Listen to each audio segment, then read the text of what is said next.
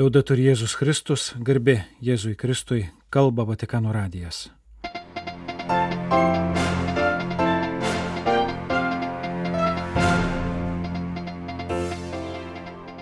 Malonus klausytojai šioje programoje.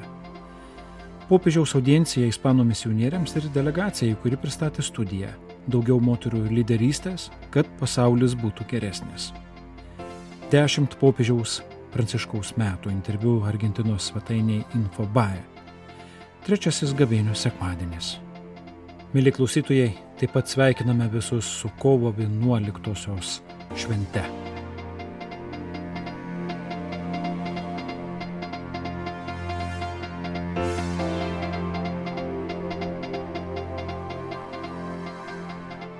Šeštadienį kovo 11-ąją popiežius Pranciškus priėmė prieš 30 metų Ispanijoje įkurtos katalikų pasauliečių nevyriausybinės organizacijos Mission America, Misija Amerika narius. Šios organizacijos savanoriai talkina vietinėms bažnyčioms Latino Amerikoje ir Afrikoje. Tėvas atsiuntė Jėzų į pasaulį, kad suteiktų matomumą žmogaus skausmo, nuodėmės ir mirties tikroviai tačiau ne tam, kad ją pasmerktų, bet kad išgydytų. Su ta pačia misija ir mes esame siunčiami į pasaulį, sakė popiežius. Šia prasme, pasak Pranciškaus, yra labai svarbios ir misionierių pastangos supažindinti savo gimtųjų šalių gyventojus su misijų šalių tikrove. Kalbėdamas apie misionierių veiklą tose šalyse, į kurias jie yra siunčiami, popiežius pabrėžė, pagarbos, atidumo kito žmogaus situacijai ir kantrybės svarbą. Jėzus visada yra dėmesingas žmonių poreikiams, bet pirmiausia jis dėmesingas pačiam žmogui. Dėl to mūsų pastangos siekti tikros lygybės ir tikro teisingumo niekada neturi tapti reikalavimu, kad visi eitų vienu keliu, bet reikia gebėti lydėti kiekvieną žmogų su jo laisvė ir poreikiais, kad visi galėtų atsiliepti į Dievo kvietimą į jo meilės planą kiekvienam iš mūsų. Brangus broliai ir seserys, turėkite prieš akis Jėzaus siunčiančio bažnyčią į misiją paveikslą, sakė Pranciškus. Ir linkėjo, kad šis įvaizdis būtų paskata tarnauti Dievui ir žmonėms, nes kas tarnauja žmogui, tas garbina Dievą. Kaip mokė šventasis Irenėjus, Dievo garbė yra gyvasis žmogus.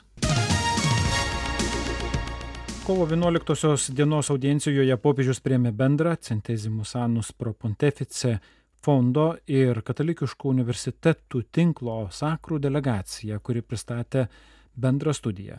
Daugiau moterų lyderystės, kad pasaulis būtų geresnis. Rūpinimasis mūsų bendrų namų variklis. Popiežius pabrėžė tris dalykus, kuriais reikia rūpintis. Jam tai vienas iš svarbiausių žodžių, pridūrė Pranciškus. Visų pirma, įtraukimu. Pasak popiežiaus, jis nori dar kartą labai stipriai pabrėžti, jog skirtingumas neturi virsti diskriminavimu, bet dėkingų ir abipusių vienas kito prieimimu. Infatti. Dievo kuriejų sumanimas įtraukia visus, neišskiria nei vieno. Priešingai, gyvenusius egzistencinėse paraštėse atveda į centrą. Šio sumanimo perspektyva yra kaip motinos kuri žiūri visus savo vaikus kaip į vienos rankos pirštus. Tikros išminties turinčios daugybę aspektų išmokstama ir ją gyvenama einant kartu. Ir tik taip ji tampa taikos šaltiniu. Todėl jūsų tyrimas yra kvietimas su moterų pagalba ir dėl jų nediskriminuoti, bet integruoti visus, ypač silpniausius, ekonominių, kultūrinių, rasinių, religinių ir lyties požiūrių. Antra, Rūpestis turi skatinti didesnę pagarbą kitam, kiekvieno asmens orumui ir jo pamatiniams teisėms į išsilavinimą, darbą, išraišką ir kitus dalykus. Tai ypač tinka moterims, kurios dažniau patiria smurtą ir piknaudžiavimus. Matydami šį mūsų laikų skaudulį, negalime tylėti. Nepalikime moterų nukentėjusių nuo prievartos, išnaudojimo, marginalizavimo ir nedaramo spaudimo be balso. Būkime jų skausmo balsu ir griežtai smerkime neteisybę, kurią jos patiria, dažnai tokiomis aplinkybėmis, kurios atima iš jų galimybę apsiginti ir išsigelbėti. Tačiau taip pat suteikiame erdvės jų veiksmams, natūraliai ir labai jautriai orientuotiems į gyvybės saugojimą kiekvienoje būsenoje, amžiuje ir sąlygose, kalbėjo Pranciškus. Trečias ir paskutinis dalykas - naujus iššūkius spręskime naujų būdų. Negalima paneigti nepakeičiamo moterų indėlio į bendrąjį gėrį. Ir šventajame rašte matome, kad dažnai būtent moteris lėmė svarbius posūkius išganimo istorijoje - Sara, Rebeka, Judita, Zuzana, Rūta, o ypač Marija ir kitos moterys sekusios paskui Jėzų iki kryžiaus, kur iš vyro liko tik Jonas, pastebėjo popiežius. Galima tęsti. Kotrina Sinietė, Jozapina Bachita, Edita Štein, Teresė iš Kalkutos ir daugybė kitų, žinomų ir nežinomų moterų, pasižymėjusių ryštu, drąsa, ištverme, džiaugsmu, sažiningumu. Gyvename epochinių pokyčių, į kuriuos reikia tinkamai ir įtikinamai reaguoti laikotarpiu, sakė popiežius Pranciškus. Pavyzdžiui, laipsniškai vystomos dirbtinio intelekto technologijos, kurios gali sukelti naujas ir nenuspėjamas galios dinamikas. Tai mums nežinomas scenarius, kurio prognozės gali būti tik numanomos ir apytikrės. Tačiau moteris, mokančios nuostabiai sujungti proto, širdies ir rankų kalbas, gali daug pasakyti šioje srityje. Dalykus, kurių jokia mašina negali suprasti, nes nejaučia, kaip plaka jos nešiojamo vaiko širdis, nesukniumba pavargusi, tačiau laiminga prie vaiko lovytės, neverkia iš skausmo arba džiaugsmo, kai dalyjasi savo mylimųjų skausmu ir džiaugsmu. O moteriai tai natūralu dėl sugebėjimo rūpintis. Bažnyčia dėkoja už visas moteris ir už kiekvieną iš jų, už jų moteriškumo grožį ir turtingumą, už motinas, seseris, žmonas, už pašvestasias moteris, už dirbančias moteris. Šventojo Jono Pauliaus antrojo žodžiais iš Molierės dignitatam atsisveikino popiežius Pranciškus su audiencijos dalyviais ir dalyvėmis. Argentinos nacionalinių ir tarptautinių žinių interneto svetainė Infobae paskelbė 50 minučių trukmės pokalbį su popiežiumi Pranciškumi, kuriame jam būdingų stiliumi Nevengiant papokštauti kalbama apie įvairias jo jau dešimtį metų trunkančio pontifikato temas - kunigystę, moterų situaciją, karą Ukrainoje, padėtį Latino Amerikoje, kasdienybę, pradedant nuo konklavos. Kokie atsiminimai pirmiausia ateina į galvą, klausė Danielis Hadadas, infobaės teigėjas, apie tą konklavos dieną, kai jo tautietis, tuo metu Buenos Airių arkivyskupas, buvo išrinktas popiežiumi Pasak Pranciškaus, jis tą dieną iš tiesų nenutokė, kas atsitiks. Ryte buvo visai ramus, vidudienį ėjo pietauti. Einant, vienas kitas žmogus neįprastai su juo pajokavo. Valgymo salėje keli ganytojai iš centrinės Europos uždavė klausimą apie Latino Ameriką. Išeinant iš valgomojo prisartino vienas kardinolas ir paklausė, ar tiesa, kad jam išoperuotas plautis. Dešiniojo plaučio viršutinė dalis 1957 metais patikslino kardinolas Bergolijo. Ach, tiek paskutiniai minutės manevrai, tarstelėjo apsisukdamas kardinolas. Ta akimirka, pasak Pranciškaus, jam staiga tapo aišku, svarstoma apie jo kandidatūrą prieš ir už. Popiežius atsakė kelis klausimus, liečiančias plačiai aptarinėtas ir aptariamas temas - homoseksualius asmenys, antroje santokoje gyvenančius katalikus, siūlymus pergalvoti kunigų celibatą, Apie homoseksualius asmenys priminė popiežius, jis viešai kalbėjo tris kart. Pakeliu iš Brazilijos, jei asmuo su homoseksualia pakraipa yra sąžiningas ir ieško Dievo, kas aš, kad teiščiau. Pakeliu iš Airijos. Prašau, kad tėvai, kurie turi sūnų ar dukterį su homoseksualia pakraipa, paliktų juos namuose, neiškraustytų iš namų, lydėtų juos. Interviu Associated Press. Homoseksualumo kriminalizavimas yra rimta problema ypač ten, kur už tai baudžiama mirtimi. Atsakymą, pasak popiežiaus, šiomis temomis duoda Jėzus. Kiekvienas. Kai pakviesti svečiai nenorėjo ateiti į puotą, šeimininkas liepė eiti į kryškelę ir pakviesti visus - gerus ir blogus, senus ir jaunus - kiekvieną. Bažnyčia yra kiekvienam ir kiekvienas atsistoja prieš Dievą pagal turimas jėgas. Yra žmonių, kuriems pirma santuoka nenusisekė, tačiau kurie iš tiesų laimingi antroje ir stengiasi gyventi krikščioniškai, pastebėjo infobajas teigėjas. Negalima žmogiškos situacijos redukuoti vieni normą. Popiežius Benediktas, didis teologas, tris kartus yra pasakęs, kad daug bažnyčioje sudarytų santokų negalioja dėl tikėjimo trūkumo, dėl samoningumo trūkumo, priminė Pranciškus. Kartais į bažnytinę santoką einama tarsi į prieimimą, kartais nesuprantama, ką reiškia visam laikui. Atsakydamas į klausimą apie celibatą, popiežius patvirtino, jog nėra prieštaravimo tarp kunigystės ir santokos. Rytų katalikų bažnyčiose daugelis kunigų yra vedę. Celibatas nėra visam laikui ta pačia prasme, kokie yra kunigystės šventimai, nepriklausomai nuo to, ar asmuo juos atsisako. Celibatas yra bažnyčios vakaruose disciplina, laikė galiojanti norma. Nors anot popiežiaus jis nežino, ar ši nuostata bus kokiu nors būdu keičiama, o taip pat sobejojo, kad galimybė tuokti savaime lemtų daugiau kunigystės pašūkimų. Anot popiežiaus jis taip pat įsitikinęs, jog būtina, kad Vatikane dirbtų daugiau moterų. Vatikane mačizmo daug, nors niekas už tai nėra atsakingas, tai kultūros dalykas. Bet mačizmas blogai, o jei kunigas nemoka dirbti su moterimis, jam kažko trūksta, jis nėra subrendęs. Pasak popiežiaus, jis įtraukia daug moterų į vienos ar kitos institucijos sudėti ir mato, kad reikalai yra tvarkomi kitaip, geriau, nes moteris gali išspręsti problemas kitaip. Jos turi kitokią metodiką, kitą laiko ir kantrybės pojūtį nei vyrai. Tai nesumenkina vyrų, bet rodo, kad vienas kitą turi papildyti. Sunku įsivaizduoti interviu be klausimų apie Ukrainą. Popiežius priminęs įvairius žingsnius, kuriuos padarė karo pradžioje ir vėliau pažymėjo, jog tęsia darbą dėl taikos.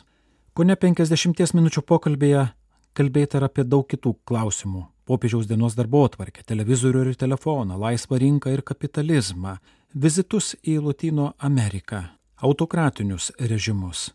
Apie tai daugiau mūsų interneto svetainėje Vatican News.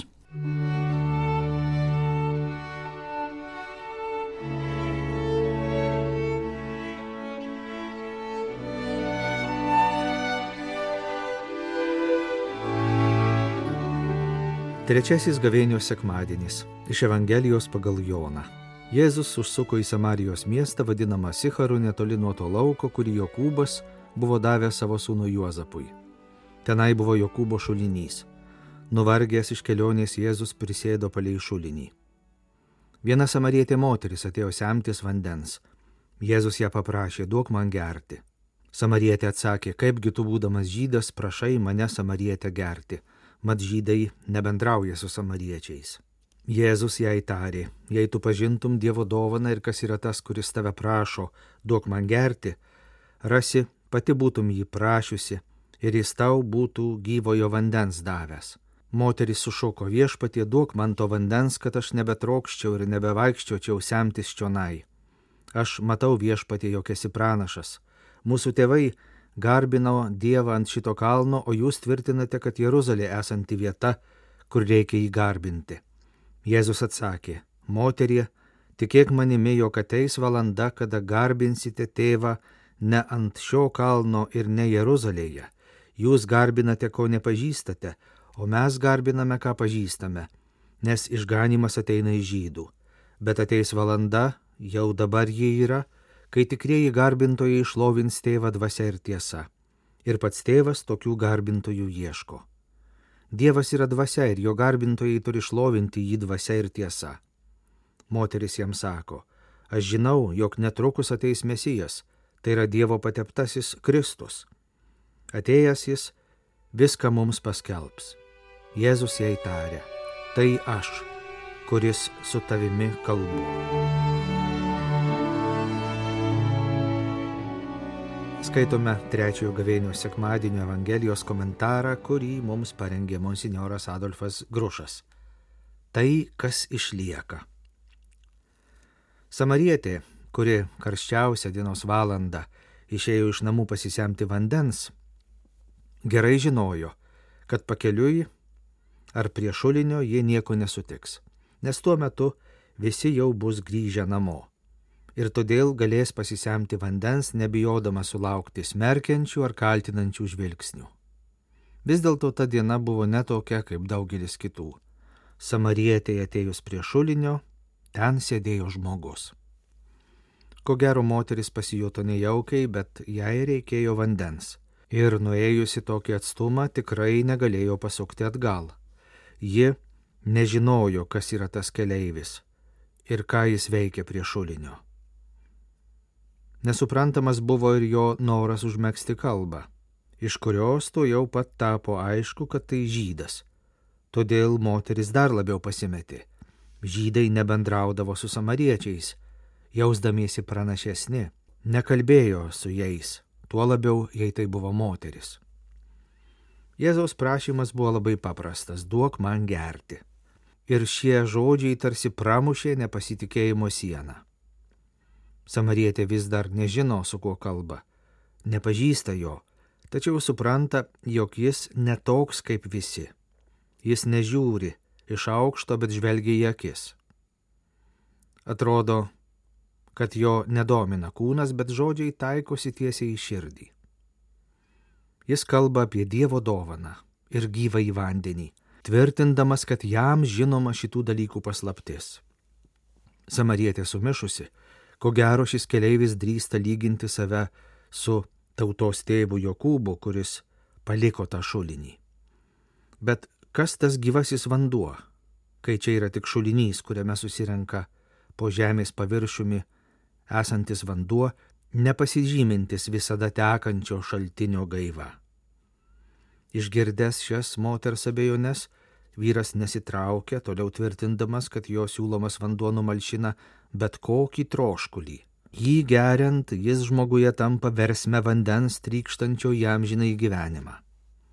Dabar moteris jau nieko nebesupranta, bet jaučiasi nenugalimai traukiama prie šio paslaptingo žmogaus, nes jis atveria iki tol dar neregėtus horizontus.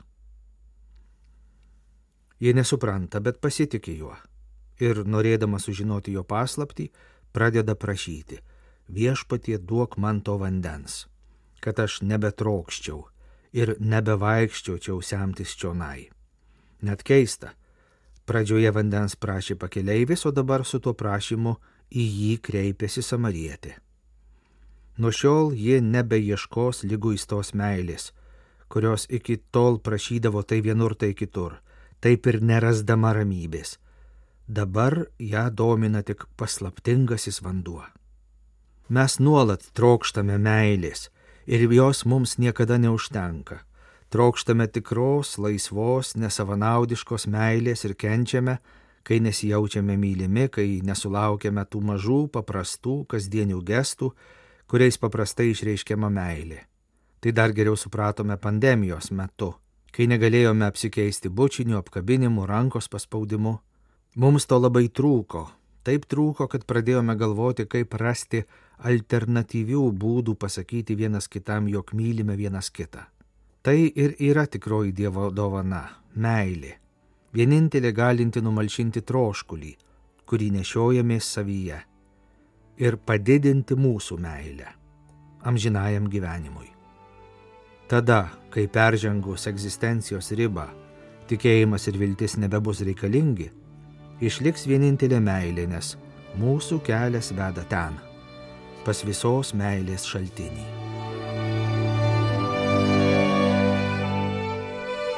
Malonus klausytojai, laidą lietuvių kalba baigiame. Kalba Vatikano radijas, garbė Jėzui Kristui, liaudėtur Jėzus Kristus.